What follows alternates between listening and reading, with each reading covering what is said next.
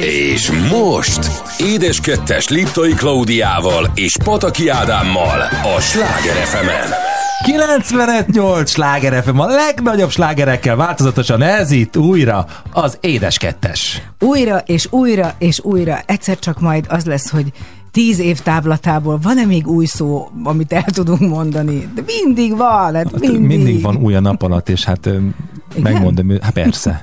Mindig. Hol van? Azonnal, milyen? Valami el van rejtve, valami bála alá, ami új van a nap alatt. Édes drágám, mindig van új a nap alatt például az, hogy nap van, tehát hogy jó idő van, így hogy van, közeleg így van. Tegnap, a nyár. Tegnap volt a te napod.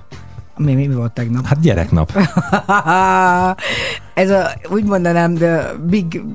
Van egyébként minden, minden nap gyereknap otthon, nem csak a gyerekek miatt is, hát hanem Claudia miatt, miatt is. Nem. Ez a minden nap nőnap, Valentin nap, gyereknap. Tehát, hogy mindig van valamilyen nap, amire rá tudja fogni a, a erőszakosságát, így van meg a... Ez kiről beszélsz rólam? Igen. Na, tessék, és amikor én elkezdek fellépni a MeToo mozgalom ellen, akkor itt van, Jó, itt van, hát itt volt. Itt van. Hát komolyan mondom, tényleg az embereknek kéne adni egy értelmező kézi szótárt. Tehát, hogy, hát hogy... meg azt is, hogy én sem Igen, tudom tehát, pontosan hogy... mi az, de valaki fogalmazza meg, hogy valaki pontosan tudja definiálni. Nem, az egészet. Én alapvetően azt nem értem, hogy miért nem fogadjuk el egymás véleményét. Ez az én véleményem, szerintem.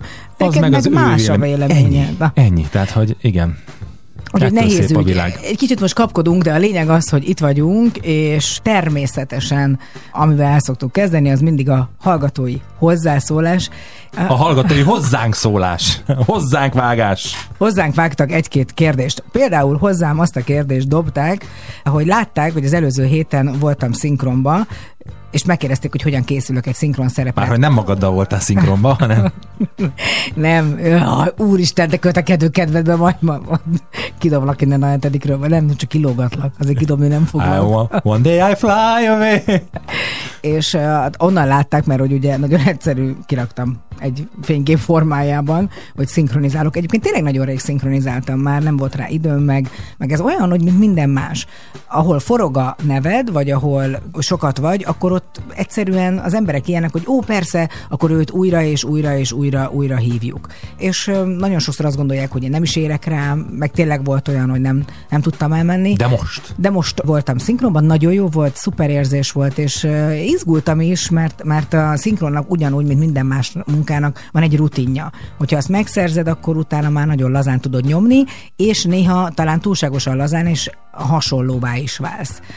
Mm, nekem a, a, az én hangom a speciális, és egy kicsit néha úgy is érzem, hogy amikor hallgatom magam, az pokoli, ez pont jó helyen mondom egy rádióban, teljesen más, hogy halljuk magunkat, és azért a szinkronban is, amikor visszahallgatom, fura néha, amikor Haleberry vagy Halleberry megszólal az én hangomon, vagy egy víziló szólal meg vagy az Rihanna én hangomon. például. Vagy Rihanna, igen, az ezer bolygó városában, ugye, vagy mi, mi a címe annak a filmnek, már nem is tudom, ja, Istenem, Most pedig egy Luc Besson film. Besson, igen. Tessék, ennyi volt. És a szinkron egy érdekes dolog, szerintem a szink- az jó tud jól szinkronizálni, akinek jó hallása van, jó ritmus érzéke. Mert az egész arról szól, hogy fel tudod-e venni annak az embernek a ritmusát, aki ott szembe beszél veled, és szó szerint megpróbálod szájra rakni a mondandót. Ugye nagyon sokszor látjuk, hogy vagy halljuk ezeket az újkori szinkronokat, amik annyira szerintem nem mindig jók, hogy amikor rövid kvázi egy szinkron, akkor az úgy szokott lenni, hogy gyertek, menjünk át Bobékhoz. És a végén mindig valaki, amikor látja, hogy még lenne egy, egy ilyen kis valami szájtátás, Aha. ezt úgy hívják, akkor így, így, így ránya. De hát van egy kedvenc szinkronos... Ez mondjuk, mondjuk, amikor ilyen étkezős jelenet van, akkor az tök, tök oké, nem? Hát egyébként az se könnyű, amikor ugye beszélni kell, úgyhogy közben, mondom, hogy hát talán a szám, és a, a meg, meg valamikor, amikor nátás vagy, és akkor úgy kell beszélni, vagy szóval, hogy amikor kell hozni hangokat. Ezt se tudja mindenki. Valakinek egyáltalán nem fekszik. Én se vagyok nagyon jó, mondjuk ö, ö, ilyen rajzfilm szinkronban, mert én is csak saját magamat tudom hozni. Néha tudok, a Marci imádja amikor így beszélek, vagy amikor ilyen beszélek, ezeket szereti, de alapvetően ez egy képesség. Meg hát a szinkronban az az izgi, hogy hogyan kell szinkronizálni, hát tekercsekre van bontva a szinkron, ami azt jelenti, körülbelül egy perc, egy másfél perc maximum egy jelenet, amit egyszerre felveszünk, és a régi szinkronok azok úgy mentek, hogy kiküldték még régen a könyveket előre. Tehát a Csákányi Laci bácsi az még olvasta otthon a könyvet, és úgy ment be a Pannoniába, és akkor ott szépen nagyon hosszan, egész nap, vagy két napon keresztül vettek egy nagy filmet.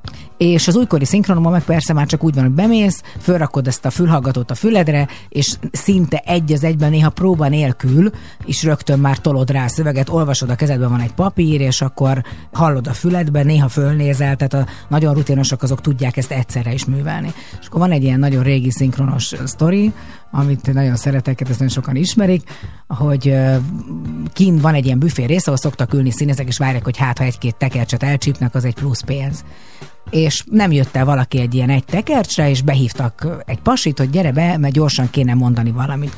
Csak vedd fel a fülest, nincs próba, csak itt van a papír, tök egyszerű, annyit kell mondani, hogy vizet, vizet. És beállt a pasas, föl se nézett, hallja, hogy megy a tekercs, szól a hang, és mondja, hogy vizet, vizet. Erre beszólt a szinkronrendező hátulról, nem szomjas, ég a hajó. Tehát, hogy ez. Szóval vannak ilyen, vannak ilyen alap, alapvetések, úgyhogy ez a szinkron. De hát Ádámhoz is jönnek kérdések, mint ahogy megszokhatták már. Igen, néha-néha. Láttuk az örökség csokoládét. Ádám, mitől más ez a csoki, mint a többi?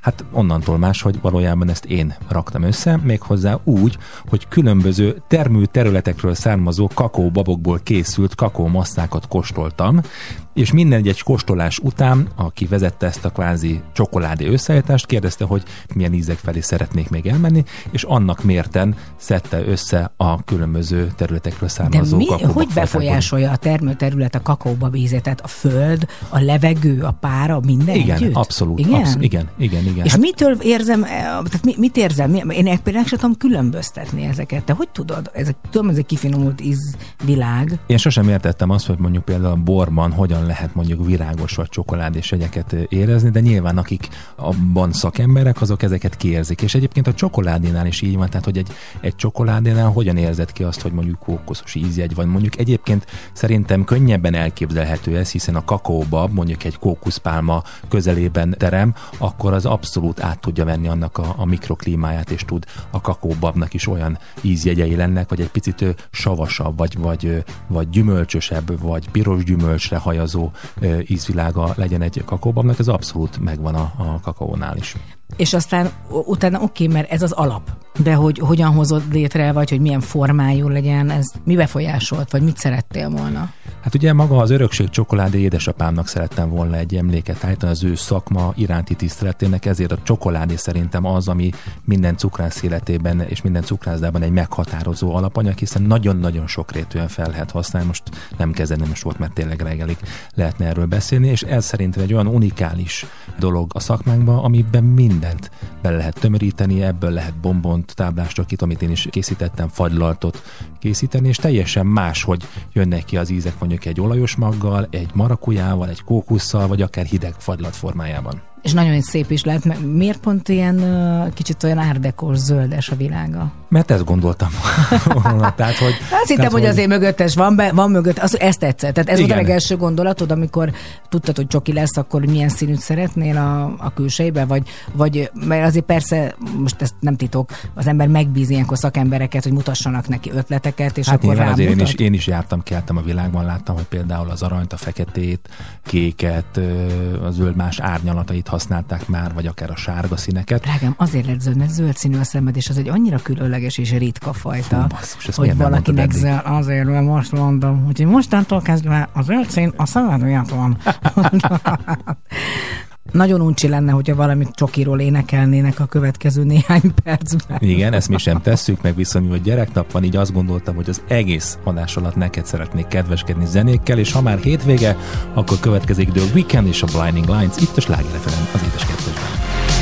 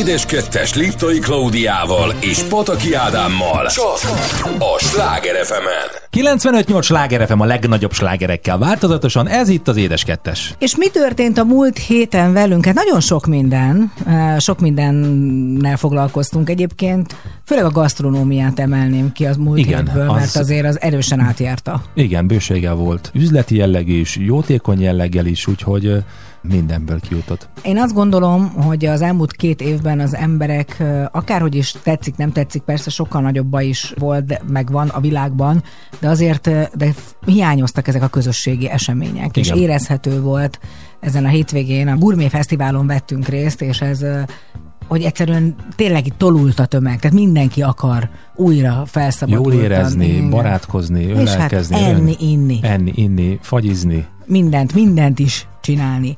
És ezért, mivel te, ugye, ha jól tudom, szinte az összesen voltál, Nem, az összesen nem, de nagyon-nagyon régóta aktív szereplői vagyunk a Gourmet Fesztiválnak. Mondjuk Gourmet Fesztivál nincsen eső nélkül. most Idén, volt, Most, kicsit ke- kicsi volt, de igen, de volt olyan... gumicsizma nélkül. Igen, volt olyan Gourmet Fesztivál, ahol ö, a fagylatok mellett gumicsizmával is kereskedtem, pusztán csak azért, mert érdem volt egy, egy abszolút egy ilyen lelőhely, ahol különböző mérve jó minőségű gumicsizmát lehet hozni, és akkor mondták, Ádám kell tudsz hozni akkor gumicsizmát, Persze, és akkor egyik nap egy ilyen négy-öt dobozzal sétáltam be a, a, a fesztiválra, és osztottam szét a Hogy szokták mondani, ez a kereslet kínálat? Vagy van? Pontosan, hogy pontosan, pontosan, Hát mire igen. van igény? Hát Így, ugye? így, így, így. A, hát idén nagy igény volt a fagyira, meg idén nagy igény volt arra szerintem egyszerűen tényleg, hogy az emberek összejöjjenek és ott legyenek, és én minden, minden évben az elmúlt években, amióta egyébként mi együtt vagyunk, azóta nagyon élvezem, mert voltam ott azon a gurmén életemben először, ami még Marcia pocakomba volt,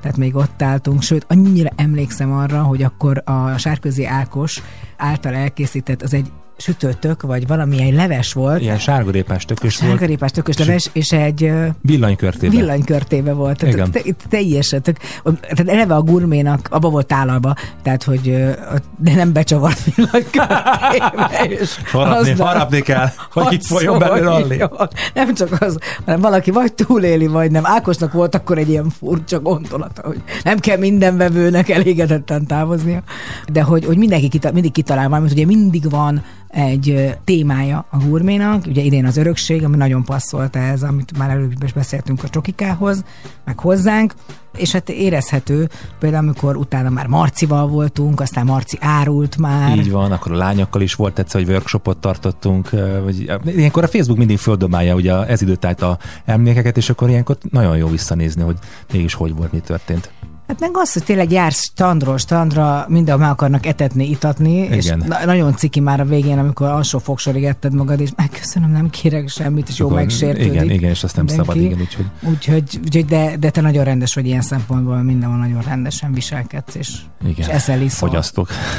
A másik pedig, amit mondtál, ez a jótékonyság, ami meg szintén most már örökség. Így van, így van, ez is egy örökség, valójában édesapám öröksége, ez is mondhatni, hiszen ha már, ha jól számolom, egy jó tíz évvel ezelőtt volt az első alkalom, amikor a Heimpál kórházból megkeresték őt, hogy gyereknap alkalmából a kórház szervez, a Heimpál kórház az udvaron a gyerekeknek gyereknapi programokat, és hogy ide egy tortával meg tudnánk elepni a gyerekeket, illetve hát a Madarász utcai kórházba is, hiszen ugye a Heimpál és a Madarász utcai kórház az egy, és ez az örökség ez mai napig tart, úgyhogy egy 800, illetve egy 600 szertes tortával kedveskedtünk a gyerekeknek. És ez csodálatos minden évben. Egyébként volt olyan, amikor én nem tudtam elmenni effektíve lelki okokból. Tehát akkor volt pici a Marci, meg terhes, nem is tudom, hogy akkor nem voltam, mert egyszerűen úgy éreztem, hogy bemegyek, és és megszakad a szívem, mert ugye ott beteg gyerekek is vannak. Aztán rájöttem, hogy ez, ez tök rossz hozzáállás. Tehát be kell menni, mert nekik egy nagy élmény, hogy akár velem találkoznak, meg egyébként zseniális programok vannak, ugye minden évben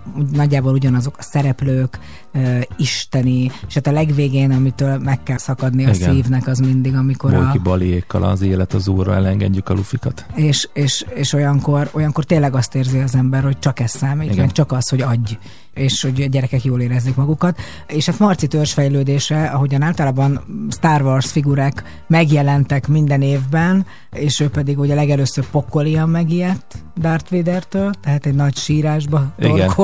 Igen. Én vagyok az apád, Luke. Aztán volt olyan, amikor sajnos meg rosszkor mentünk, és már nem volt ott Darth Vader, akkor azért sírt, mert kiborult, hogy nem látja. Úgyhogy ez, ez egy hatalmas élmény, és nagyon jó érzés, és ilyenkor mindig azt érzem, hogy sokkal többet kellene ezekkel a dolgokkal is foglalkozni. Úgyhogy a, a gasztronómia az így, így átjárta az elmúlt hetet, Meg az erő. meg az erő. Ha már a sok finom édesség, tudod mi jutott róla eszembe? Jézus Mária, micsoda? RW, RW, Robbie, Ó, édesem a fiatalosnak mondható ö, Williams, angol énekes. a Williams, igen, és nem a Forma 1-es csapat Robinja, hanem a mi Robbie Williamsünk és a Candy. Na, ez következik most itt, a Sláger az édes kettősben. I was there to witness Candice's in her business. She wants the boys to notice her rainbows and her bonus. She was educated but could not count to ten. Now she got lots of different horses by lots of different men.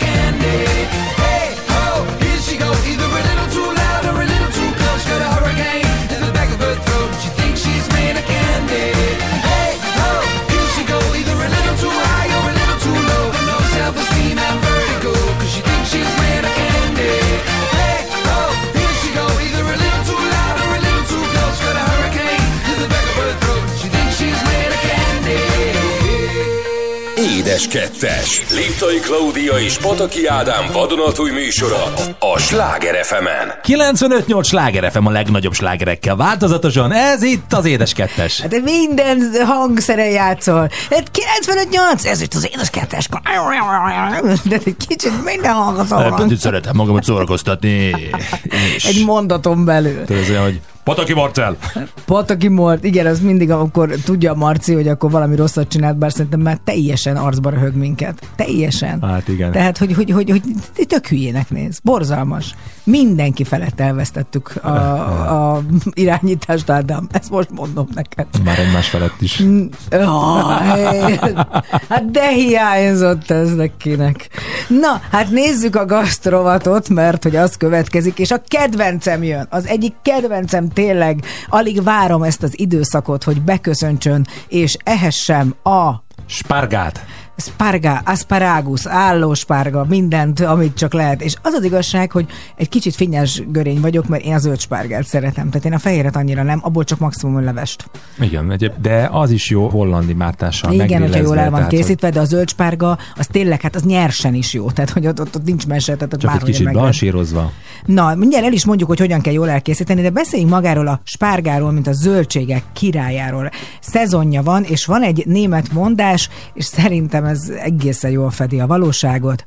János napig ne feled, hét héten át a spárgát edd. Na de hát akkor náluk a János nap nem karácsonykor van ezek szerint. Hát nem, mit tudom én most ezzel, ezzel akadjunk már fel. Hát jó, de lehet, hogy a hallgatók ezek fennakadnak. Hát hogy lehetne Johannes, karácsony? Johannes Tag, nein, ezt, ezt, most ez, ilyenkor van és kész. A lényeg az, hogy hogy nagyon-nagyon-nagyon egészséges dolog a spárga, de hogy honnan eredeztethető, honnan jött ő. Na, ha a görög eredetű elnevezését nézzük, ami az asparagus szó, akkor szó szerint azt jelenti, hogy fiatal rügy hajtás. Á, most már értem, hogy miért szokták utána mindig kiabálni, mikor nyaralunk Görögországba. Ez parágos, ez parágos! hogy te egy kis fiatal rügyhajtás vagy. De mikor, amikor Nem, olyan... utánad, Ja, azt utánad. hittem, hogy utánad, hogy ilyen ki... én, én. Jaj, de édes vagy. Ut- Utánam körülbelül most már csak 400 méterre, és egyre, ahogy megyünk minden évben, újra és újra megyek bele az időbe, egyre messzebbről kiabálják ezt. Az első spárgák nyomait a régészek mégsem az antik Hellász, hanem az ókori kínai birodalom területén találták meg, ahol már Krisztus előtt 5000 táján gyógynövényként használták hurutus megbetegedések, hólyak problémák, valamint fekélyek kezelésére. Mint az Wow. összes ilyen zöldség egyébként fantasztikus, hogy milyen sokrétű, tehát nem csak eszik, hanem mindenféle helyekre kenegetik is. Tehát nagyon-nagyon sokáig egyébként gyógyító tulajdonságai mellett rájöttek, hogy kulináris élvezetet is nyújt, és már a rómaiak is elkezdték kiaknázni. Volt egy Apicius nevű szakácskönyv, hát ezt imádom, hogy tehát már akkor is szakácskönyvet írtak, de mondjuk már mondjuk már papíruszra vagy valamire, tehát nem kőbevésték, mert azért az kicsit elég... sokáig tartott volna, meg nehéz lett volna az a könyv. Na igen, igen. Gyerekek, a 47. oldal, hozom a kőtáblát, már is, az görgetem le. Tehát már ott is megjelent a spárga, és a füves könyvek is beszámoltak róla, és hát igencsak drága mulatság volt akkor is, mert ma is az. Szóval lássuk be, azért sajnos a spárga azért egy unikális dolog, Igen. és, és hát drága. És hát nem, nem mindegy, hogy milyen, mert megveszel egy rohadt drága csomagot, és kiderül tök fás, és akkor már csak maximum a rügyet tudod megenni belőle. De hogy mikre jó még a spárga? Mikre jó a spárga? Gyógyít, tisztít, karcsúsít. A növény megvastagodott zsenge hajtásai kerülnek a tányérokra, ezt nevezük köznapi értelemben spárgának. E rügyek rendelkeznek mindazon jótékony tulajdonságokkal, amelyeket már az ókori orvostudomány bölcsei is felismertek, Például a spárga enyhe vízhajtó tulajdonságokkal rendelkezik, ennek köszönhetően kedvező befolyást gyakorol a teljes keringési rendszerre, tisztító hatású, egykor a vesekő természetes eltávolítójaként is alkalmazták, és ma már azt mondják, hogy érszőkület ellen is nagyon hatásos. Hát akkor Azt a toljuk be apám az összes spárgát, amit találunk, és hát nagyon-nagyon kevés kalóriát tartalmaz, mert hogy 92% a víz, 10 deka spárga mindössze 20 kalóriát Ez semmi. tartalmaz. Hát ez semmi, tehát ez tényleg semmi. Rengeteg ásványi anyag van benne, foszfor, kalcium, magnézium, B1, B2, B6, C, E vitamin, elképesztő, még forsav is van a spárgában. Na hát alapvetően egyébként háromféle spárgával lehet találkozni a piacokon, a delikát boltokban, illetve az ázsiai fűszer és zöldség kereskedésekben pedig ritkán feltűnik egy negyedik típus, az úgynevezett, nem fogod kitalálni, tájspárga, amely vékony, zöld sípokkal rendelkezik. Ázsiai fűszerezésű hirtelen pirított ételekhez, salátákhoz szokták adni, de egyébként Európában a legkedveltebb a fehér spárga, illetve a zöld spárga. Egyébként Németország nagy spárga termelő országnak És felhalmozó, számít. és egyébként fogyasztó is, mert rengeteg ételhez adnak spárgát. Így, és, és hát ott külön ott fesztiválok vannak, spárga fesztiválok, és tényleg többször volt szerencsém spárga szezonban, spárgelcájt, ahogy ők mondják, ott jár, és tényleg hát olyan méretű, vastagságú spárgákat lehet ott kapni, hogy nem hiszed el, tehát hogy És mint a ugyanolyan finomak, tehát, isteni. tehát olyan isteni. érdekes, azt gondolom, hogy ami minél vastagabb, annál fásabb, vagy az már nem annyira jó. és most nem kérkedni szeretnék ezzel, de a 90-es években, amikor én még tényleg kisrác voltam, édesapám nagybátyához jártunk Németország, és én ott találkoztam először spárgával, hát a 80-as, 90-es években azért nem nagyon volt Hát én divat spárgát tenni miről Magyarországon. nem is tudtam, hogy létezik és ilyen ott növény. isteni finom spárgakrémlevest És tök készítettek. érdekes, mert a sárga spárga, a sárga spárga, vagy fehér spárga, az a föld alatt növekszik. Tehát, hogy a, amíg a zöld spárga, az meg a föld, feletti Így van, növény. így van. Na hát a spárgát is különböző módon készíthetjük el. Külön előkészítést igényel a fehér spárga, hiszen azt meg kell hámozni. A zöld spárgát pedig általában úgy kell elkészíteni, hogy meg kell nézni, hogy hol törik el a spárgánk, és onnan tökéletes a spárgán fölfel, tehát az az alsó fás rész, ahol A sajnos elpattan. azt el kell dobni. Nem kell eldonni, mert Ja, abból lehet dolgozni. Alaple, alaplevet tudunk készíteni belőle, amit később akár egy risotto készítéséhez is nagyon jól lehet alkalmazni. Mi egyébként otthon a spárgát csak hirtelen blansírozzuk, és utána hideg vízbe, jeges vízbe beletesszük, és utána különböző módokon elkészítjük, akár egy kicsit grillen megfuttatjuk, vagy utána egy kis vajjal készítünk Nekem most például a kis kosárkámban, amit mártást. hoztam ide, abban van egy kis bacon szalonna, mert bacon szalonna Most bacon vagy kell. Hát, ja, akkor egy kis bacon Köszönjük van szépen. benne, köszönöm szépen, és azt mindenhez jó. Tehát spárgához meg kimondottam. Most nem tekertem körbe, hogy szoktam, hanem csak úgy mellé püttyentettem. És nekem hoztál valamit? Persze, persze. Oké, köszi szépen. Úgyhogy általában ugye a fehér spárgából készítik a spárgakrémlevest, de hát abszolút a klasszikus, ugye a fehér spárga hollandi mártással, és hát ne felejtjük azt el, hogy a különböző tojás ételekhez egy jó benedikt tojáshoz is nagyon jól passzol a spárga, vagy akár lazachoz is, úgyhogy kitűnő köretként és salátaként és minden formában lehet fogyasztani a spárgát. remélem, hogy most nem veszem el senkinek az étvágyát, de egy örök dilemája is van a spárgának, amiről muszáj beszélnünk, hogy amikor leér, vagy nagyon hamar, ahogy elfogyasztjuk, és utána elmegyünk mondjuk a mellékhelységbe, és csorgatunk egyet, akkor miért van olyan pokoli illat, vagy hát inkább szag, ezt most már szagnak mondanám, és ez olyan régi dilema, hogy már a 18. században is feljegyzések voltak arról, hogy a spárga fogyasztása befolyásolja a vizelet szagát, és Benjamin Franklin, ugye az amerikai elnök kitért már arra egy levelében, hogy hát a- kérem szépen... Mr. Franklin, what is your answer? Nem, hogy, hogy what is the smell? É- és akkor nagyon, és nagyon egyszerű a megoldás, megmondom őszintén, én is az internet segítségét vettem igénybe, mert hogy a spárgának az úgynevezett aszparágus sav, ami benne van, ettől lesz ilyen kénes szagú a Lebont vizeletünk. mindent.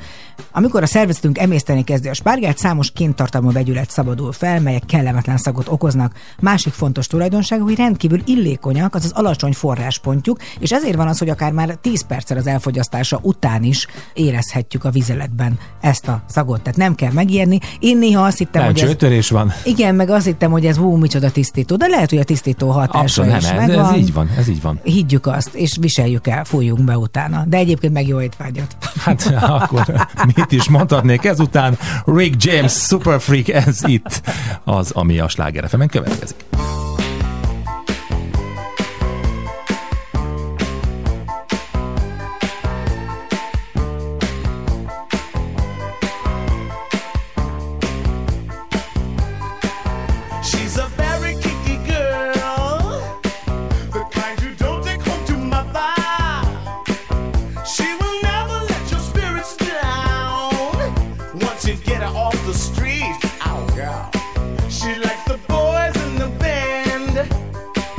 said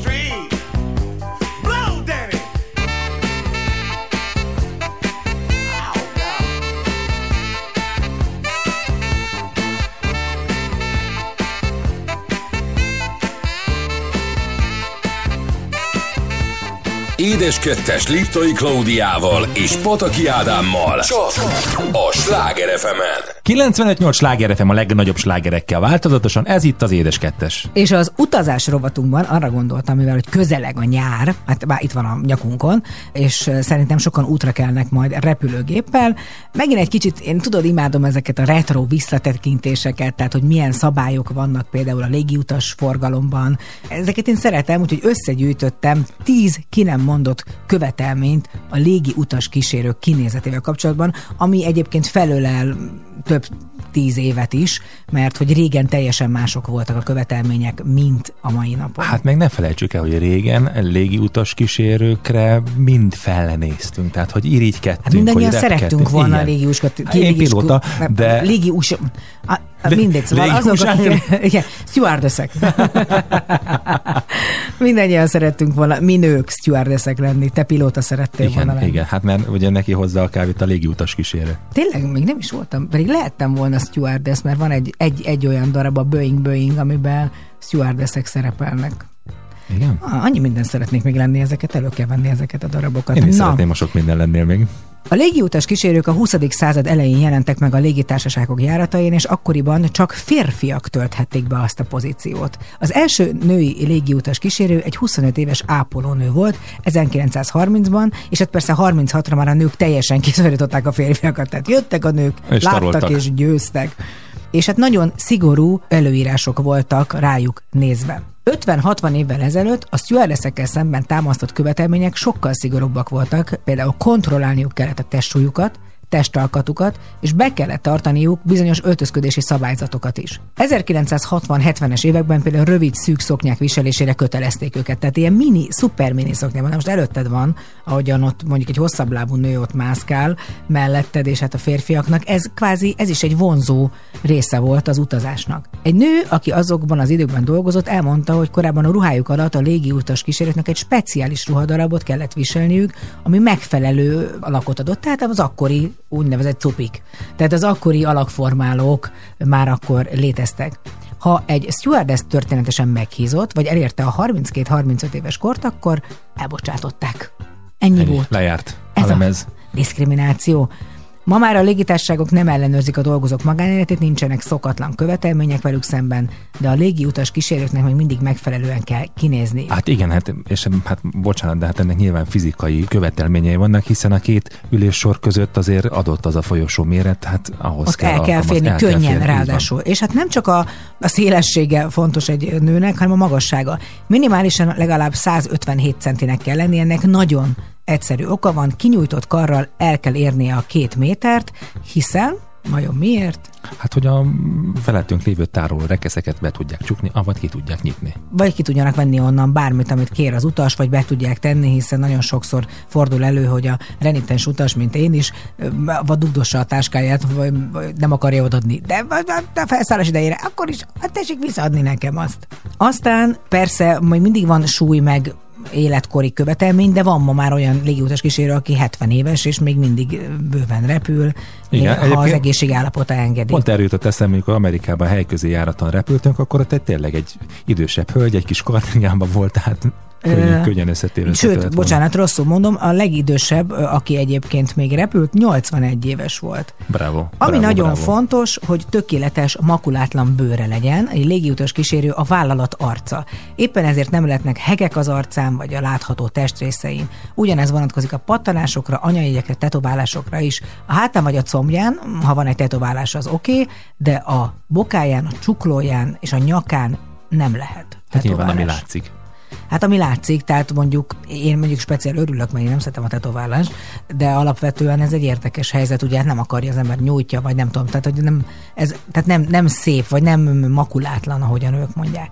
Aztán, ami nagyon fontos, az éles látás elengedhetetlen. Százszázalékos látással kell rendelkezni, ellenkező esetben kontaktlencsét kell viselni. A légitársaságok általában engedélyezik a cég imás kritériumainak megfelelő szemüveg viselését, egyes cégek azonban még mindig a kontaktlencsét részesítik előnyben, és csak akkor dolgozhatnak szemüvegben, ha orvosi ellenjavallatuk van. Igen, nem nagyon láttam szemüveges stewardess most keresem a emlékeim között. Hát lehet, hogy ennek egyébként biztonsági okai is vannak, Biztos. hogy jó látáshoz szóval kell, tehát mondjuk akármilyen vészhelyzetben, vagy bármilyen Hát, helyzetben. Beak- beakadhat abba bármit, tehát nyilván Hát, biztos. hogy oda fölém hajol, rám esik a szemüvege, kiszúrja a szememet vele, nem tudom. Tehát most persze ezek ilyen szélsőségek.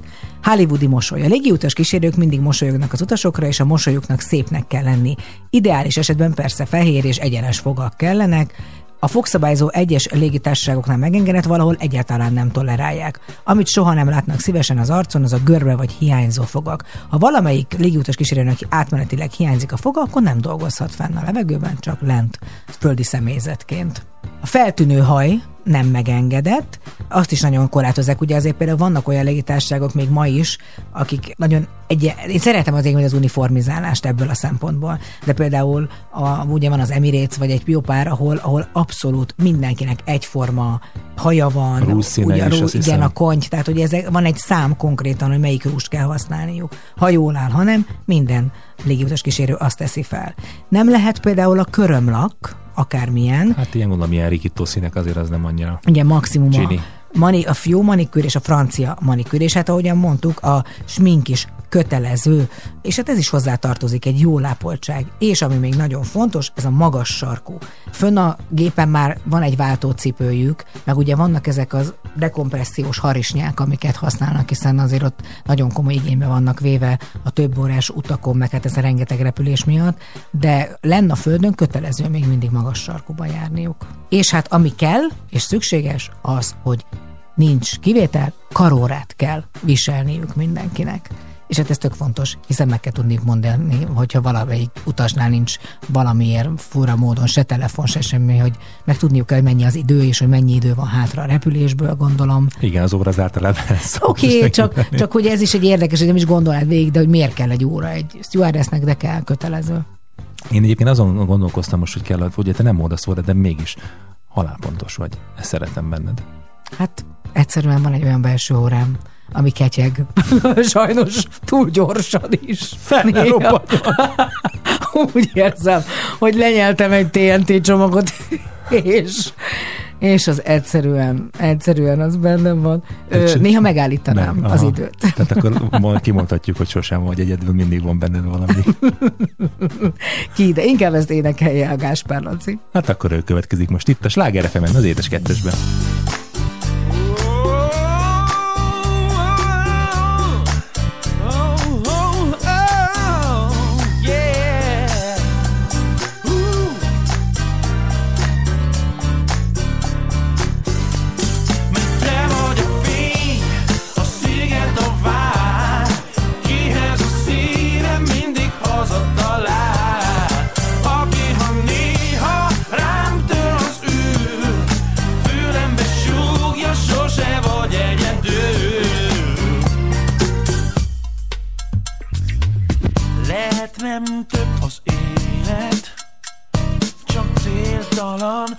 Utazás. De ha elárvul néha a lélek Kell egy jó úti társ Mikor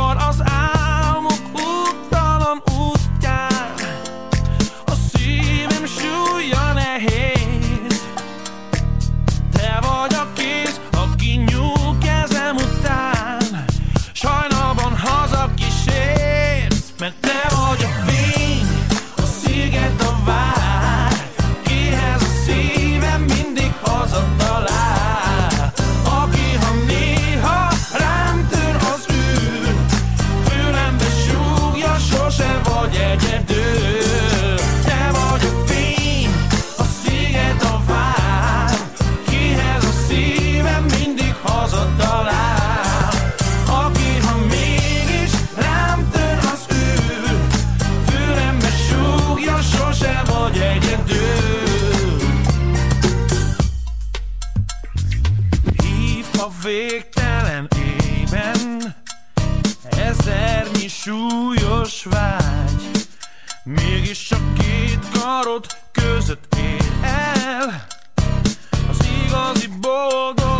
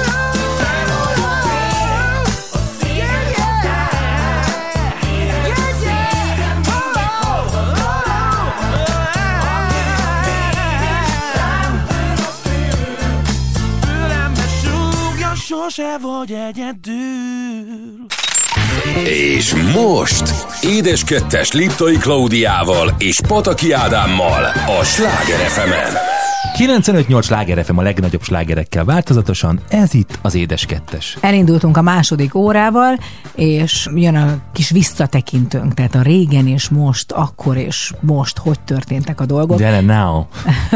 Köszönjük ezt csak az angol hallgatóinknak, de csak ezt, mert utána uh, uh, már a Google szabad fordítóba tessék beírni minket, hogy olyan nagy marhaságokat adjon ki. A lényeg, hogy azt választottuk most témának ebbe a rovatunkba, ami adta magát, hiszen amikor készültünk a Gourmet Fesztiválra, akkor az örökség téma miatt egyértelmű volt, hogy megkértem az Ádámot, meg ő magát is megkérte, hogy szedjen már elő Me, myself, I. Igen? igen, hogy szedjen már elő ilyen régi recepteket, biztos, hogy vannak ott a cukrászdán belül, és hogy ezek hogy néznek ki, milyen kis mappákban vannak, meg egyáltalán mit fog találni. Hát nagyon sok mindent. Ez nagyon érdekes, hiszen abszolút időszakokra le lehet ezeket a dokumentumokat bontani. Ugye az első ilyen időszak, amiből felelhető tárgyi emlékek vannak, az a 80-as évek, én azt gondolom, 80 tájéken, ahol valójában már akkor is a szüleim vezettek kalkulációs íveket. Ezt úgy képzeljék el, bocsánat, csak azért vágok közben, hogy milyen dosszékban vannak papírok. Hát van, mindenki írt recepteket, vagy a nagymama receptje egyébként csodálatos, mert hogy ezek az emberek még gyöngybetűkkel írtak, tehát még el lehet olvasni. Ha én leírnék egy receptet, azért az utána már ilyen rovásírásnak tűnne, és csak újra a tudósok fedeznék föl, hogy vajon mit írt a kisnő. És mindenféle fellelhető papír darabra, fecnire, vagy akár torta alátétre is kerültek ezek a kalkulációk, receptek. Így van, és ezek a kalkulációk nagyon szépen, ahogy, a, ahogy említetted, gyöngybetűkkel, nem is tudom, ezt minek hívták annak idején ezt az írást, ez a, ez a műszaki rajzírással voltak a nevek fölírva szépen nagybetűkkel, de minden egyes terméknek ugyanazzal a betűtípussal volt fölírva De a ezeket neve. ki írta? Én ezt nem tudom, de meg fogom kérdezni. anyukádat nem szerintem, kérdezted? Meg? szerintem, szerintem ő írta, mert neki volt ilyen szép írása, vagy, vagy valakit megkértek, de de pont e- ez annyira el, el van a sajtos masninak a receptje, fölül volt nagybetűvel a, a neve, és akkor alatta szépen le volt bontva, hogy ebbe kellett ennyi liszt, ennyi víz, ennyi zsiradék, ennyi só, ennyi sajt, ki volt szépen számolva a, a nyersanyagérték, na hát ez nagyon vicces tehát hogy ilyen 2 forint, 5 forint, 8 forint, és akkor föl volt írva az ára, hogy 1984-ben mit tudom, hogy került egy kiló sajtos rúd 45 forintba például, és akkor évenként oda volt írva az árváltozás, és hát ott is egyébként megvoltak szépen a, azok az áremelkedések, amik most is megvannak, tehát Hát van olyan, sőt, volt olyan néztük, hogy valami nagyon nagy ugrás volt négy volt éven van, belül. igen, igen, valami Tehát 20%-os Nem, áremelés 20, volt. ne hülyeskedj, valami 200 százalékos. Igen? Persze, valami teljesen, teljesen más, más ugrás, de mivel, hogy a kvázi az a maszek világ volt ott az ember, ugye saját maga is mm, komolyan meghatározhatta az árakat, és eleve máshogy is álltak hozzá az emberek, meg más volt azért az a pénzösszeg. Meg én azt néztem, pontosan, ahogy mondod, ez a műszaki leírás, egy kicsit ez a korai Excel tábla. Tehát, Igen, hogy, abszolút. hogy úgy volt, hogy csak úgy elképzeljük, hogy le van írva nagy nyomtatott betűvel, hogy sajtos masni, és körülötte ilyen kis vonalkával van bekeretezve, tehát nem teljes négyzetbe van rakva, hanem minden termék egy ilyen speciális grafikát kapott, és mivel akkor ugye hát nem volt számítógép, nem, Nem volt hova bevinni, meg nem van. volt egyetlen, ezért ezek vannak így egymás mögé rakva, de különböző papírlapokra, tehát tényleg amit találtak, tehát Igen. azért ennek sincs egy ilyen De volt néhány, ami mondjuk egy ilyen lefűzős Ja. kartonban Mhm. volt, és akkor nyilván egyébként nagyon érdekes, hogy ezeket a recepteket, ha megfigyel az ember, akkor abszolút egy tükröt kap arról, hogy abban az időben milyen alapanyagokat lehetett fellelni. Na például, Tehát ugye akkor a, a vaj az egy tök normális alapanyagnak számított, tehát akkor nem volt az kuriózum. Hát igen, de nagyon sok- de a margarin- a- És akkor utána jött ugye a, a margarin, margarin kérdése, hogy ezt most ár szempontjából, vagy technológia szempontjából, nem tudom, miért, miért, miért jelent meg, vagy miért volt akkora eh,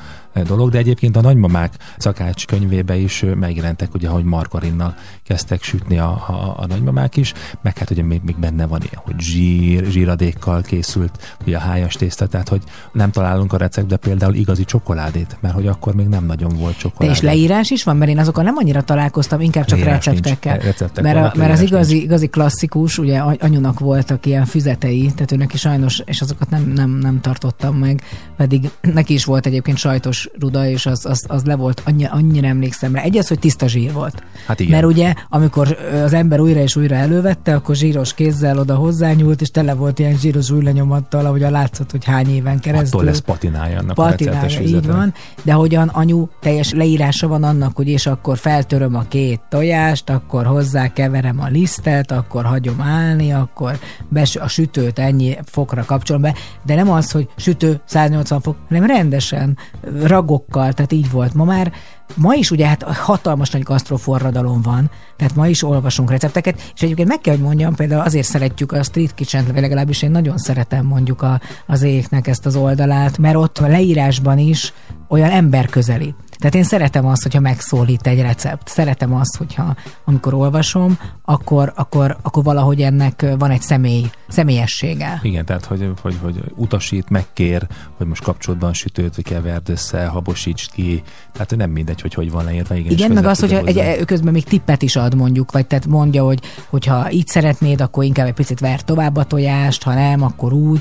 Persze ma sokkal könnyebb, ezt azért lássuk be, mert egy delete gombbal kitörölsz két sort. Régen, ha leírtál valamit, húha, és mégse úgy kellett volna, akkor azért az nehezebb, tehát tollal, ceruzával visszaradírozod. Igen, és ugye ezek az internetes recepteknek, amit említed, az a nagy előnye, hogy rögtön tudsz bevá- csinálni belőle egy bevásárló listát. Kinyomtatod, és már mehetsz is a boltba bevásárolni. Tehát, hogy, hogy ennek tényleg praktikuma is van. És egyébként hogy használtátok ezeket, vagy erre emlékszel valamennyire, hogy voltak ezek a receptek, és akkor oda volt rakva a cukrászdába, és akkor mindig minden, hiszen a mai napig van ilyen könyvetek. Igen, tehát ez, ezeket a recepteket én mindig, mindig frissítem, egyrészt technológiai szempontból, másrészt alapanyag szempontból, a harmadrészt pedig elhasználódnak, de egyébként én próbálok ezek között mindig rendet tartani, újra kinyomtatni, lelaminálni, lefűzni, hogy ebből tudjanak Tehát magyarul ma is, ma is olvassák a receptet. Tehát azért ezt, ezt köztudott, hogy, és ezt így is szeretik a cukrászok. Tehát a cukrász nem fejből dolgozik. Persze, egy csomó mindent tud fejből, és lehet, hogy az összeset tudja, de szeret ránézni. Szóval mindenki szereti még egyszer újra és újra. Annyi fajta terméket készítettek ti is a cukrászdában, hogy az nem baj, hogyha az ember nem keveri össze az egyik masszát a másik masszának az összetételével. Tehát, hogy azért ezek, ezek tök fontos dolgok, hogy, hogy, hogy, hogy kell, kell ez a, ez a papír alapúság még a mai napig is. Abszolút, sőt, most már van olyan mérlegünk is, ahol előle be vannak táplálva a receptek, és hogy az egyik kolléga elméri valamelyik alapanyagot, akkor egy gomb megnyomással átszámolódik az egész recept, és akkor még tudja, hogy melyikből melyikhez kell hozzátenni, és akkor kvázi itt kiküszöbölhető a hiba lehetősége. Végül is ez az egész cukrászat, ez egy nagy csodavilág. Abszolút, és hát ha már csoda világ, akkor mi jöhetne más, mi jöhetne más, mint egy kis bugi, egy csodavilág, egy Boogie Wonderland, Earth, Wind and Fire, itt a Sláger FM-en az édes kettősben.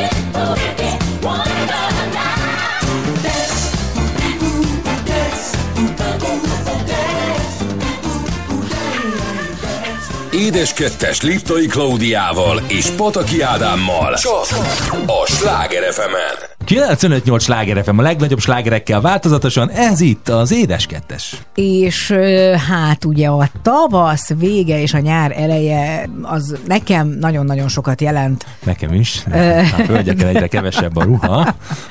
Hát így van, és hát hogyha már a hölgyeken egyre kevesebb a ruha, akkor biztos, hogy mennek a szabadba, a zöldbe. Igen. Igen. Akár egy nagyon rövid sortban lehajoló hölgyek így, így, így, kertészkednek. ezért az uraknak ajánlom a kerti padokat, kis asztalkákkal. amire leülnek, és, És tudnak nézelődni. Igen. De idegen kertekbe menjenek be, úgy gondoltad? De Oda jegyeket lehet váltani szerintem. Tehát ilyen kidobható sátrakkal, igen. Mobil, mobil paddal. Tehát végül is elmentem horgászni. Tényleg, hát elvitte a kis horgászszéket, de semmilyen felszerelést. Ja, de már bedobta a horgot. Na, tehát a lényeg az, hogy én beszuszakoltam ide ebbe a mai kis adásunkba a kertemet. Tehát én azt mondtam, Muszáj hogy... erről beszélni, nincs mese, nincs mese, drága hölgyeim és uraim. A kerti robbanás, ez lesz Így most van, itt a mert terítéken. annyit dolgozom vele, hát nem, hát tényleg még a leg, amikor legbetegebb voltam, akkor is csak kimentem, és csak turkáltam ott a földben. Igen, a Marci már átköltötte József Attila mama versét, ő nem az, hogy hagyd adagat ruhát másra, hanem hagyd a földet másra. Aj, de miért nagyon fontos dolog. Egyébként tényleg imádom most egy úgy csinálni az Ádámot, hogy nem érdekelni, de nagyjából, ha nem is azt mondom minden reggel, de azért minden este, amikor hazajön, hogy körbe megy. Körbenézel a A birtokon. birtokon. Engem csak a banán érdekel. hogy mikor nő. Na hát akkor beszéljünk a banánról. A banánunk, ugye ez mindig egy nagy kérdés, hogy ezt hogyan lehet átteleltetni egy banánt, sokan nem értik, hogy be szoktam fotózni nyár végén, amikor már a legnagyobb a banán fánk, vagy hát nem is egy van ugye, hanem tavaly már 17 tő volt, egyébként kettővel indultunk, hogy ez hogy szaporodik, meg hogy utána hogy telel át. Az a legpokolibb pillanat, amikor eljön az ősznek az a időszaka, amikor már nagyon hideg van, jönnek Istvánék, Istvánék. És, és fogják, tőből. és tövig vágják az egészet. Az addig már mondjuk, mit tudom én, 5-6 méteresre nőtt banánfákat. Így van, azokat utána ott hagyják, és még rátesznek szalmabálát, és így tele lát a banán egészen. Sőt, nem csak szamavát, hanem lótrágyát, vagy marhatrágyát. Marhatrágyát. Mert hogy az a lényege, hogy ugye a trágya az az erózióval, vagy valami az erjedéssel kapcsolatban egy meleget tart, és akkor így a szalma melegen tartja. Mert egy fontos, a banán gyökérnek, vagy a banán tűnnek nem szabad elfagynia.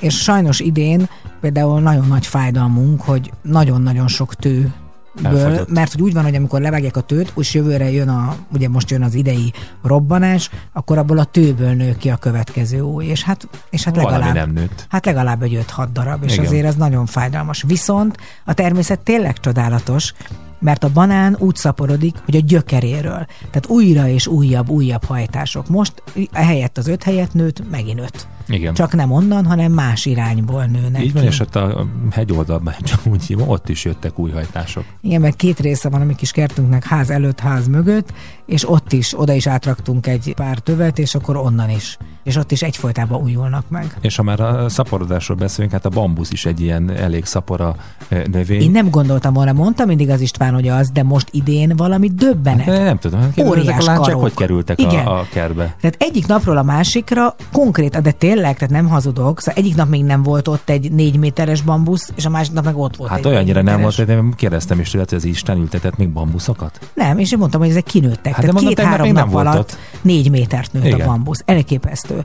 És elképesztő, ahogyan így, így, így utat tör magának például. Vannak ezek a pampafüveink, vagy ezek a füvecskék, ezek a sejemfüveink, ahol mindenhol megjelenik. Valamelyik nap nézegettem a, egy nagyon-nagyon szép kis sziklakertünket, ami szintén most csodálatos volt az idén, és egyszerűen imádom nézni, hogy a kis méhecskék, meg a darazsak így, így repkednek, és így látom a kis fullánkjával, ahogy civogatja a nektárt, és ugye így porozza be az egész hegyoldal. Tehát végül is így kell kikerülnek a füvek is innen oda, a, mondjuk ott a, főleg ott a, a magot viszi a szél, de csodálatos látni ezt, ahogy a természet így kirobbantja magát. Na, mesélj akkor, hogy mi kerül az asztalra. Mi van a magas ágyásaiddal? Hát tulajdonképpen a magas ágyásaimmal az van, hogy ö, idén sem Leszünk-e eper nagy hatalom, retek nagy hatalom? Hát retek az van, csak nem a magas ágyásomban. Az a baj, hogy valami, valami nem, nem, nem kerek. Tehát valami csodálatos, például a paradicsom is tavaly, idén nagyon reménykedem abban is, ugye ezek még csak most kerültek be, és most nő, nőnek és erősödnek.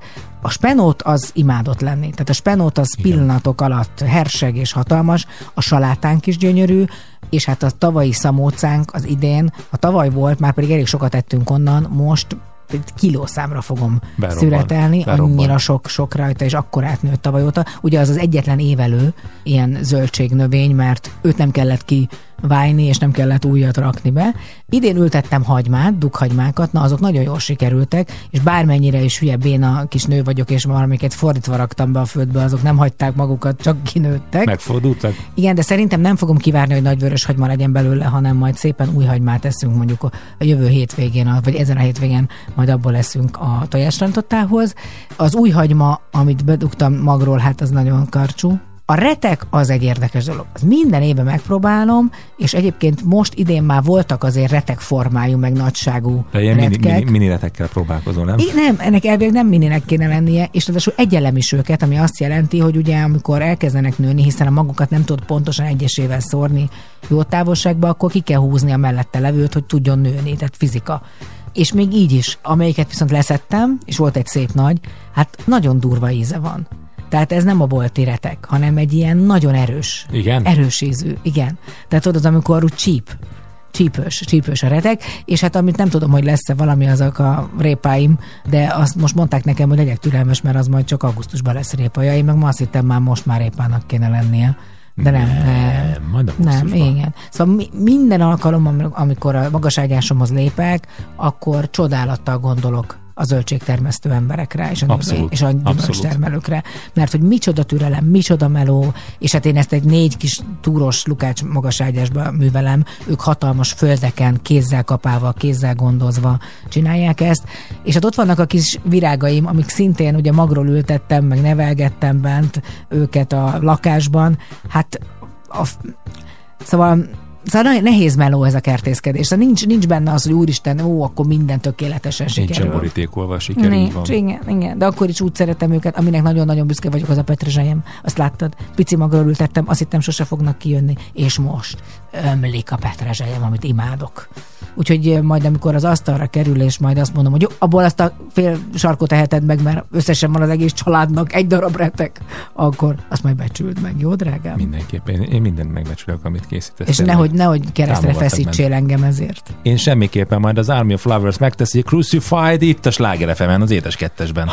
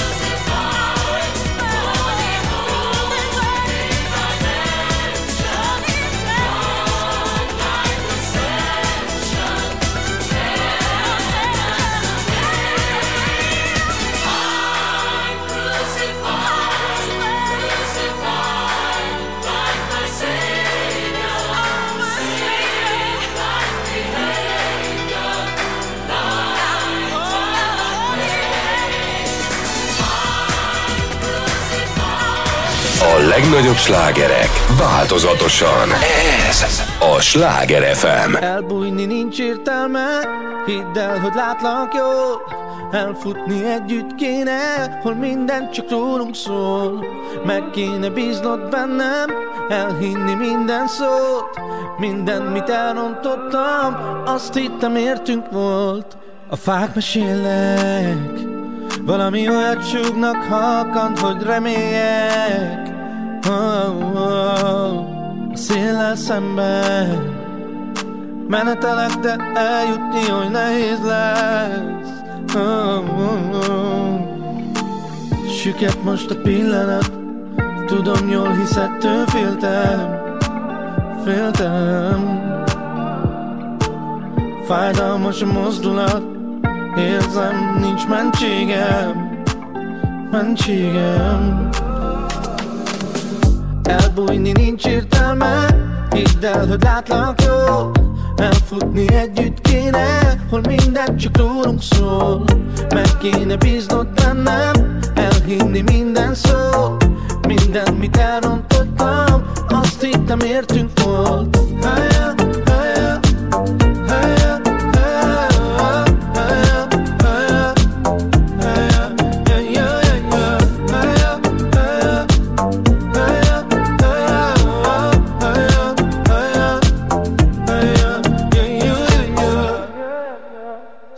Szürke minden. Valamit el akarok már mondani, de úgysem értesz. Oh, oh. Az én ébred Nyújtsd a kezed, süllyedni kezd a lélek. Oh. Süket most a pillanat. Tudom jól, hisz ettől féltem Féltem. Fájdalmas a mozdulat Érzem, nincs mentségem Mentségem. Elbújni nincs értelme Hidd el, hogy látlak jól Elfutni együtt kéne Hol minden csak rólunk szól. Meg kéne bíznod bennem Elhinni minden szó. Minden, mit elrontottam Azt hittem értünk volt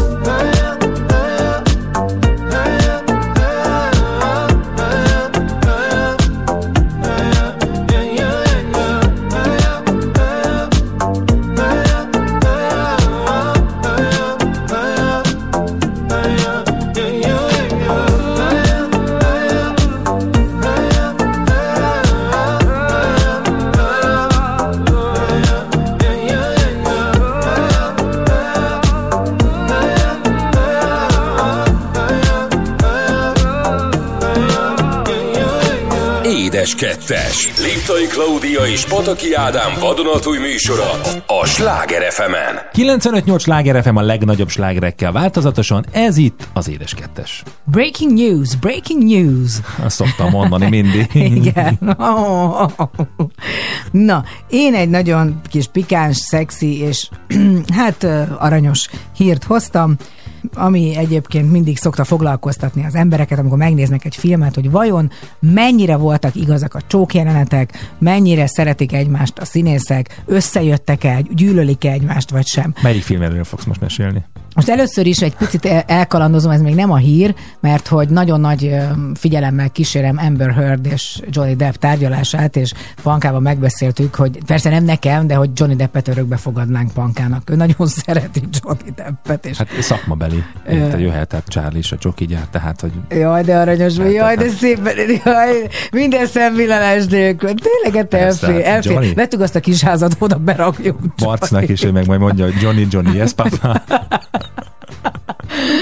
Na mindegy, de akkor én is hozok valakit, tudod?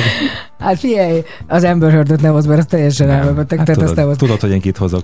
Kit hozol? Ha már a kettről beszélgettünk, hát Szalmát, kit hozni? Jaj, tényleg. Hát de már, mert már múltkor már volt elég. Hát azért... Nem, hát Na, legyen, a legyen olyan, mint az allegória, nem, tudod, meg- visszatérő. Nem, nem legyen, legyen, inkább, legyen inkább mindig újítsál. Jó, oké. Újítsál, mert akkor nem fog feltűnni nekem Jó, se, hogy jó. egy új arc Oké. köszön be. És csak azért hoztam fel Johnny Deppet egyébként, mert pont valamelyik nap belefutottam az Utazó című filmbe, vagy Turist az az eredeti. Nem, így, így, a magyar utazó Igen, voltam. és ahol Angelina Jolie-val játszottak, és látok gyűlölte a Jolit, és fordítva is a Johnny Depp. A másik hír szerint összejöttek, pedig akkor jött össze Brad pitt tehát ugye minden van, mert hogy a Johnny, vagy a Jolie állandóan készülődött, és nem tudott egyszerűen időben ott lenni, csak a hajával foglalkozott, meg tök felületes volt. A Johnny Depp meg ugye, tudom én, bepiált előző este, aztán egy kicsit meg volt rettyenve az egész forgatás alatt, szóval nem, nem volt az igazi.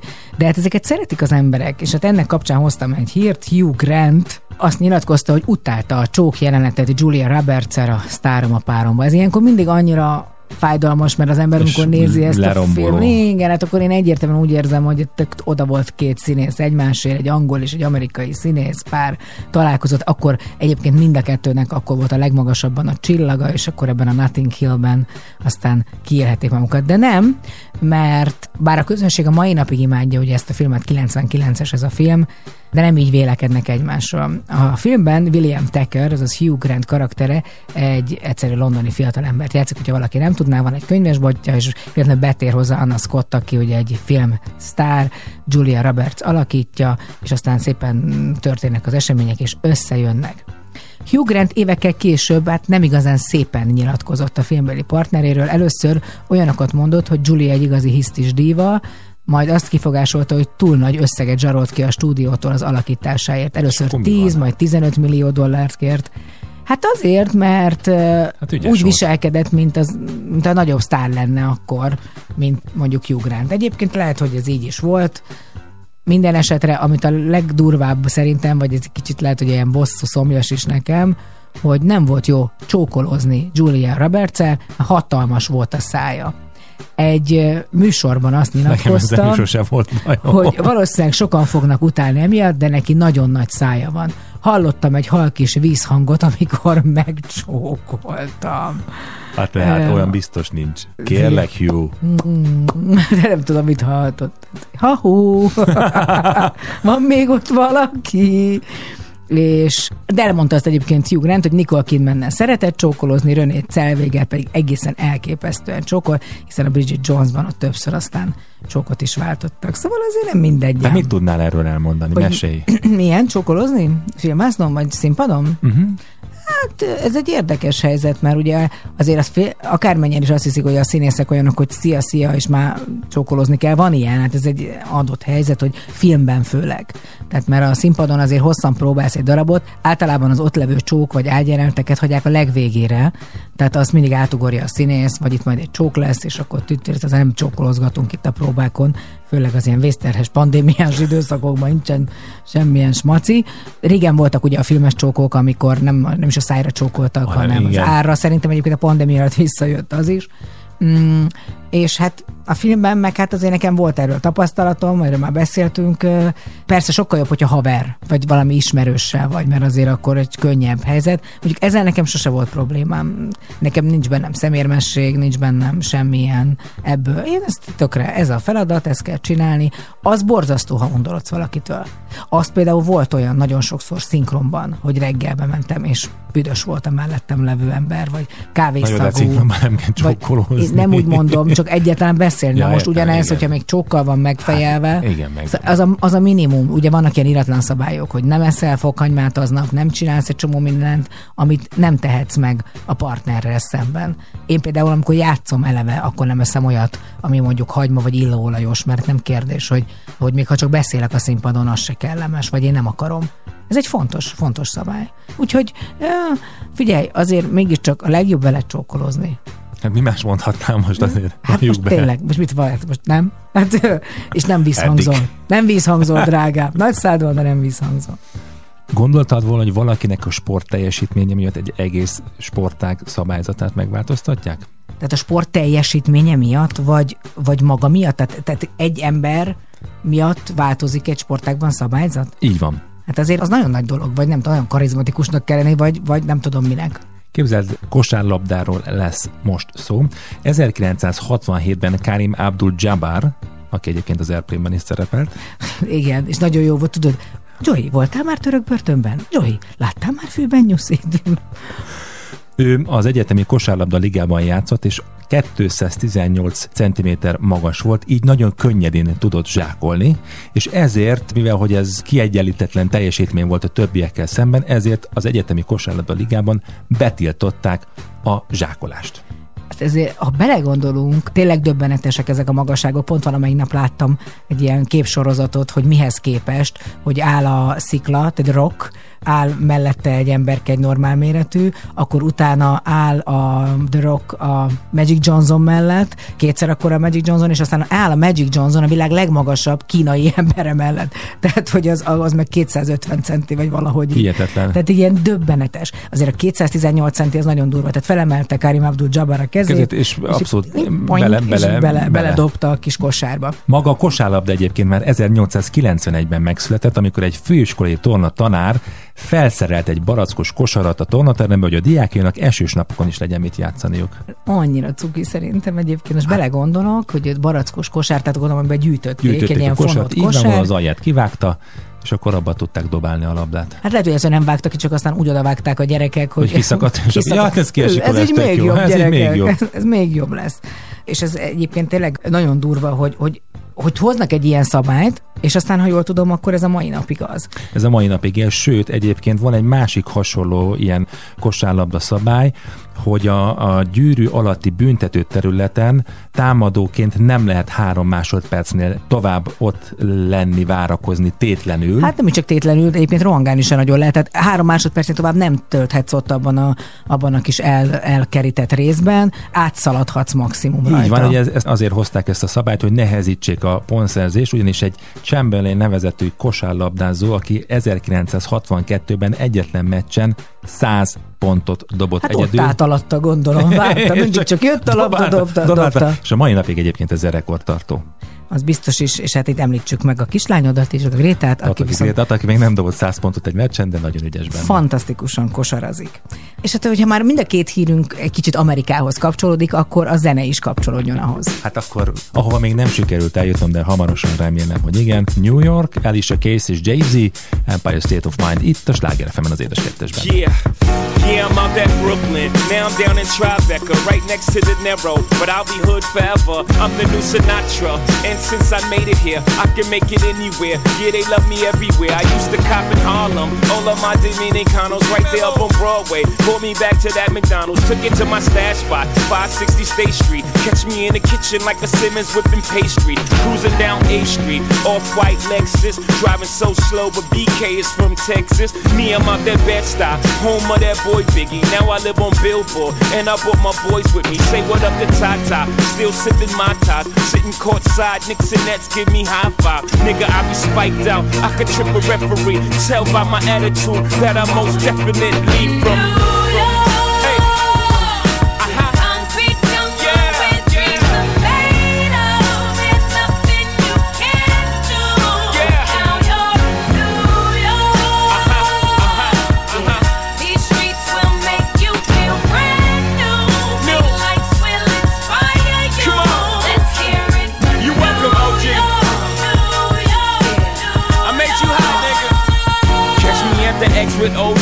A Yankee Shit, I made the Yankee hat more famous than the Yankee can. You should know I bleed blue, but I ain't a crypto. But I got a gang of niggas walking with my click though. Welcome to the melting pot. Corners where we selling rock. Africa been by the shit.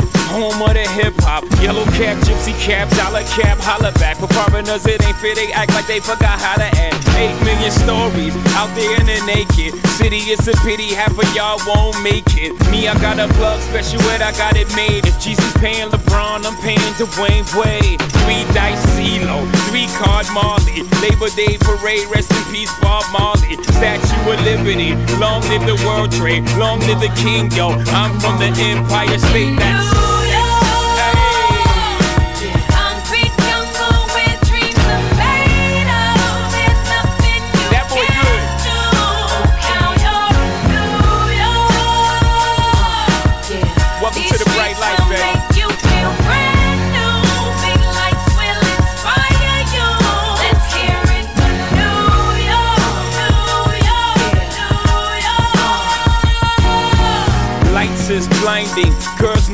blinders, or they could step out of bounds quick. The sidelines is lined with casualties who sip the life casually, then gradually become worse. Don't bite the apple, Eve. Caught up in the in crowd, now you're in style. And in the winter gets cold, in vogue with your skin out. City of sin, it's a pity on a whim. Good girls going bad, the city's filled with them.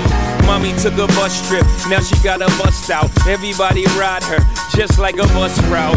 Hail Mary to the city, you're a virgin. And Jesus can't save you, life starts when the church and Came here for school, graduated to the highlight. Ball players, rap stars, addicted to the limelight. Empty and May got you feeling like a champion. The city never sleeps, better slip you an ambient.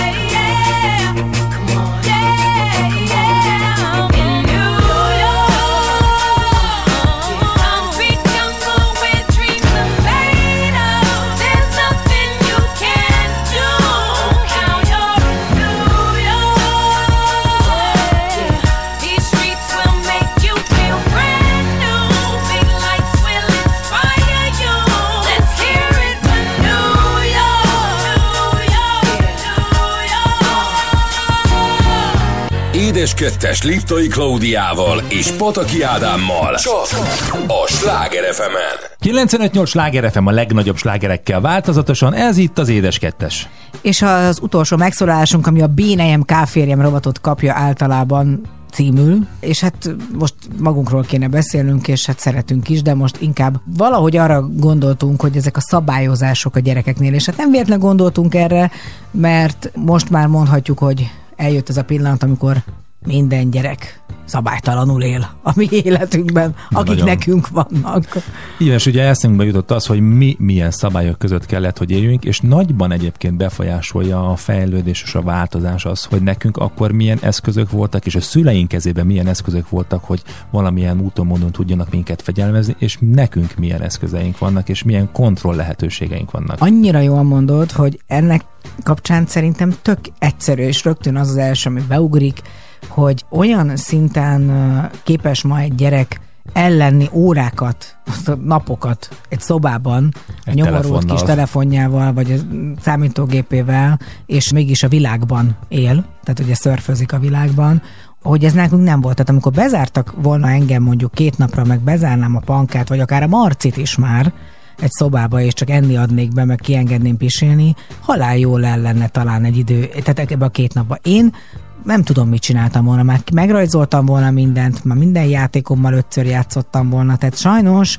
azt kell, hogy mondjam, hogy ha ugyanazokat a körülményeket teremtenénk meg, persze akkor nem, de ha azokat az eszközöket odaadnák nekünk, amit ma használnak a gyerekek, Hát nehéz ügy, nehéz ügy, meg nehéz ez a halmozás, hogy, hogy, hogy mire volt képes, mondjuk az én szüleim mennyire voltak ugye szegények, és nem volt az, hogy akkor most tényleg még egy társasjáték, még valami megtörténjen, hanem kellett a saját fantáziámat is használni.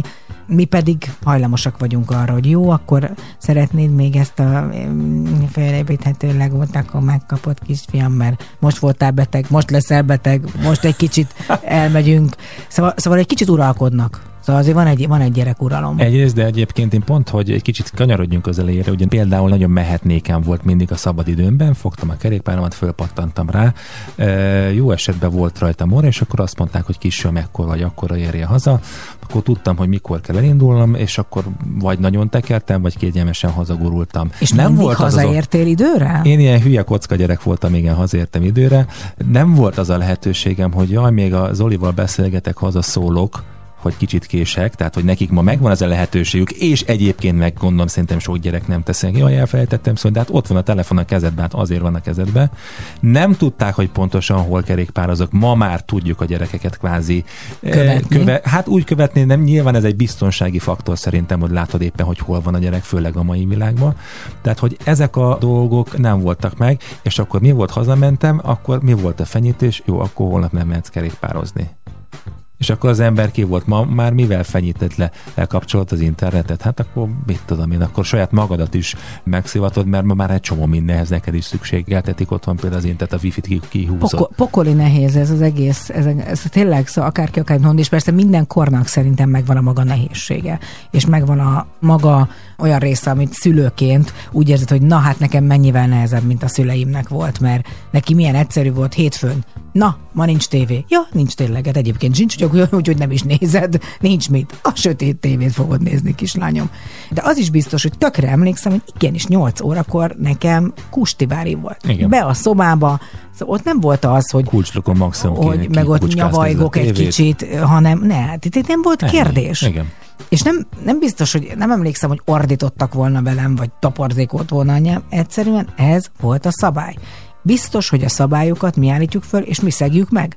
Tehát, hogy tuti, hogy a, ugye most is többször azért belefutottunk Marcinál, hogy hogy, hogy elképesztő, mert ez a dolguk valószínűleg, hogy próbálkozzanak, tehát mindenféle módon kibújik a szabályrendszer alól.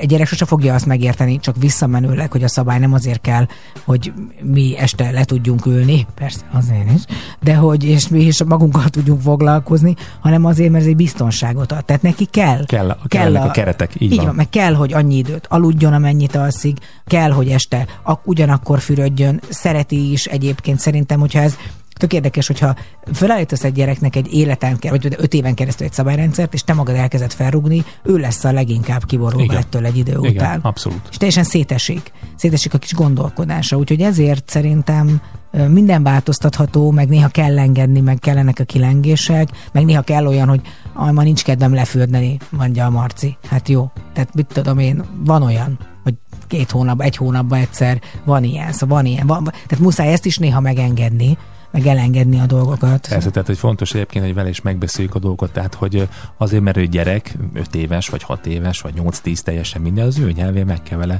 értetni dolgokat, és meg kell vele beszélni, aztán ők megértik, de hát ő azért gyerek, hogy lázadjon. Igen, meg hogy, hogy abban a pillanatban ezt is el kell fogadni szülőként, hogy nem fogja abban a pillanatban megérteni. Tehát, hogy ezt ne várjuk el, hogy ott elmondom, és akkor ő, hát tényleg így átfut rajta logikusan. Ne viccelj, hát a panka az, aki őszintén ezt beszokta vallani, hogy amikor papolunk neki, akkor látjuk a fejét, hogy szemén forgatja, meg caccag, meg izél, meg mindent csinál, és utána ő az, aki maga bevallja, hogy igen, amikor utána végig gondolja, akkor igazat ad nekünk, és belátja, hogy hibázott, és hogy, hogy igazunk van. pokoli nehéz szóval ez minden alkalommal, hogy és mi az a szabály, ami valóban betartatható, mi az, aminek van értelme, mi az, ami előrevívő, hogy kell hozzáállni. Tehát pont ma reggel volt egy beszélgetésem a Pankával ezzel kapcsolatban, hogy értsd meg a jegyek, a- azok számok, én azt értem, és nem ezzel kell rugózni, de ez a te teljesítményedet ö, tükrözi. Tükrözi.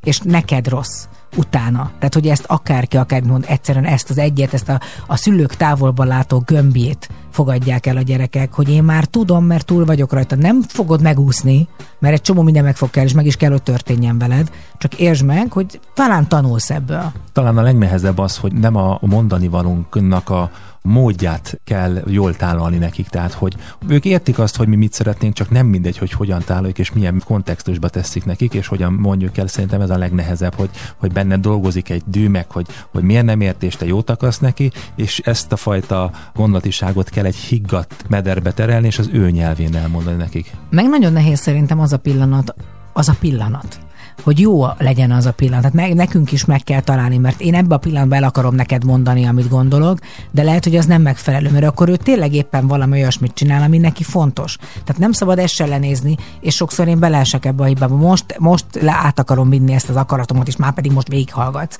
És lehet, hogy ha várnék 10 percet, és befejezze a kis foglalatosságát, akkor utána sokkal magasabb hatásfokon tudnék dolgozni. célba ér. Hát ez mindannyian nagy, szerintem amíg élünk, tanulunk. Tanulok szü- szülőként is szülőnek lenni, gyerekként is De most ne gyereknek. viccelj, azért ez egymással is így van. Tehát, hogy, hogy én pontosan nagyjából tudom azt, hogy, hogy mikor lehet neked dolgot elmondani. Megtalálod azt a rést, amikor éppen de, nyílik de, a, de, de ez a rád kapu. is, és rám is sokszor ugyanúgy igaz, hogy de te most akarod elmondani, most akarod továbbadni, és van, amikor rossz az időkapu. Hát tudod, amikor ez a kedvencem, amikor hazaérkezel, és így öntöd rám az információt, én meg éppen abban a pillanatban előtte a fejemben ugrált a gyerek négy perccel, mondjuk hullaéhesen éppen most ülnék le valamit tenni. Tehát, hogy a türelmetlenségünk, ez egy típus, ezt kell, ezt kell, ezt így kordába kell tartani. De hát annyira jól tudjuk ezt csinálni, hogy Legalábbis próbálkozunk, próbálkozunk, jó, persze. próbálkozunk. Jó, hát én próbáltam egy kicsit többet mutatni, mint amik vagyunk. De hát ez van, hát ez van. Emberek vagyunk, drágám, emberek. Így van, így van. Emberek, akik rádiót hallgatnak, ez volt már az Édes Kettes. Jövő héten természetesen újra jövünk, csak itt a Sláger FM-en este 6-tól egészen 8 óráig, búcsúzásképpen pedig következzen Hevesi Tomi és a Szól a Rádió itt a Sláger FM-en, az Édes Kettesben. Szól a rádió, szól a rádió, szól a rádió, szól a rádió. Még broadcastingnak hívták, s nagyon sok pénzbe került, mikor az első speaker izgatottan a mikrofonhoz ült. Értes hangja felszárnyalt és messzire repül Egy hallgatóban megszólalt, próbál sikerült A gyári úton állt csukott úton szállító És ott volt 23-ban az első stúdió. Műsor gyanánt akkoriban az is megfelelt A Marca János segédtiszt egy nótát énekelt. Szól a rádió. Szól a rádió. Szól a rádió Szól a rádió. S a rádióról 24-ben feljegyezhették Hogy az állatkertből sugározta az első koncertjét. Lemezgyártók áthozták a konkurenciát De profit nélkül árulta a kék rapszódiát A közel lakó amatőrök tisztán hallották Mikor a Csepeli adó 25-ben jó reggelt kívánt Magasba szöktek mindenféle furcsa antennák S egy ügyes diák detektoros bevőt fabrikált Szól a rádió. Szól a rádió. Szól a rádió. Szól a rádió A hőskorban már megtanultam minden bemondó. Tilos rögtönözni a leírt szöveg felolvasandó. Bár konverzát és pilotásnit kevesen ismerték Azt tudtam minden hallgató, hogy a hangjuk ilyen szép. S a gyermeket a dobozban a bátyit keresték A nagymamák a politúriát szépre vixelték A postások a vevőktől az És fizetni kellett egyformán a jó és rossz hírért. Szól a rádió. Szól a rádió. Szól a rádió. Szól a rádió. Schweine, ich wünsche Ihnen Schweinkotelett mit Gericht. Das ist doch ganz egal, so mal nehmen. Benfica, Benfica, was ich.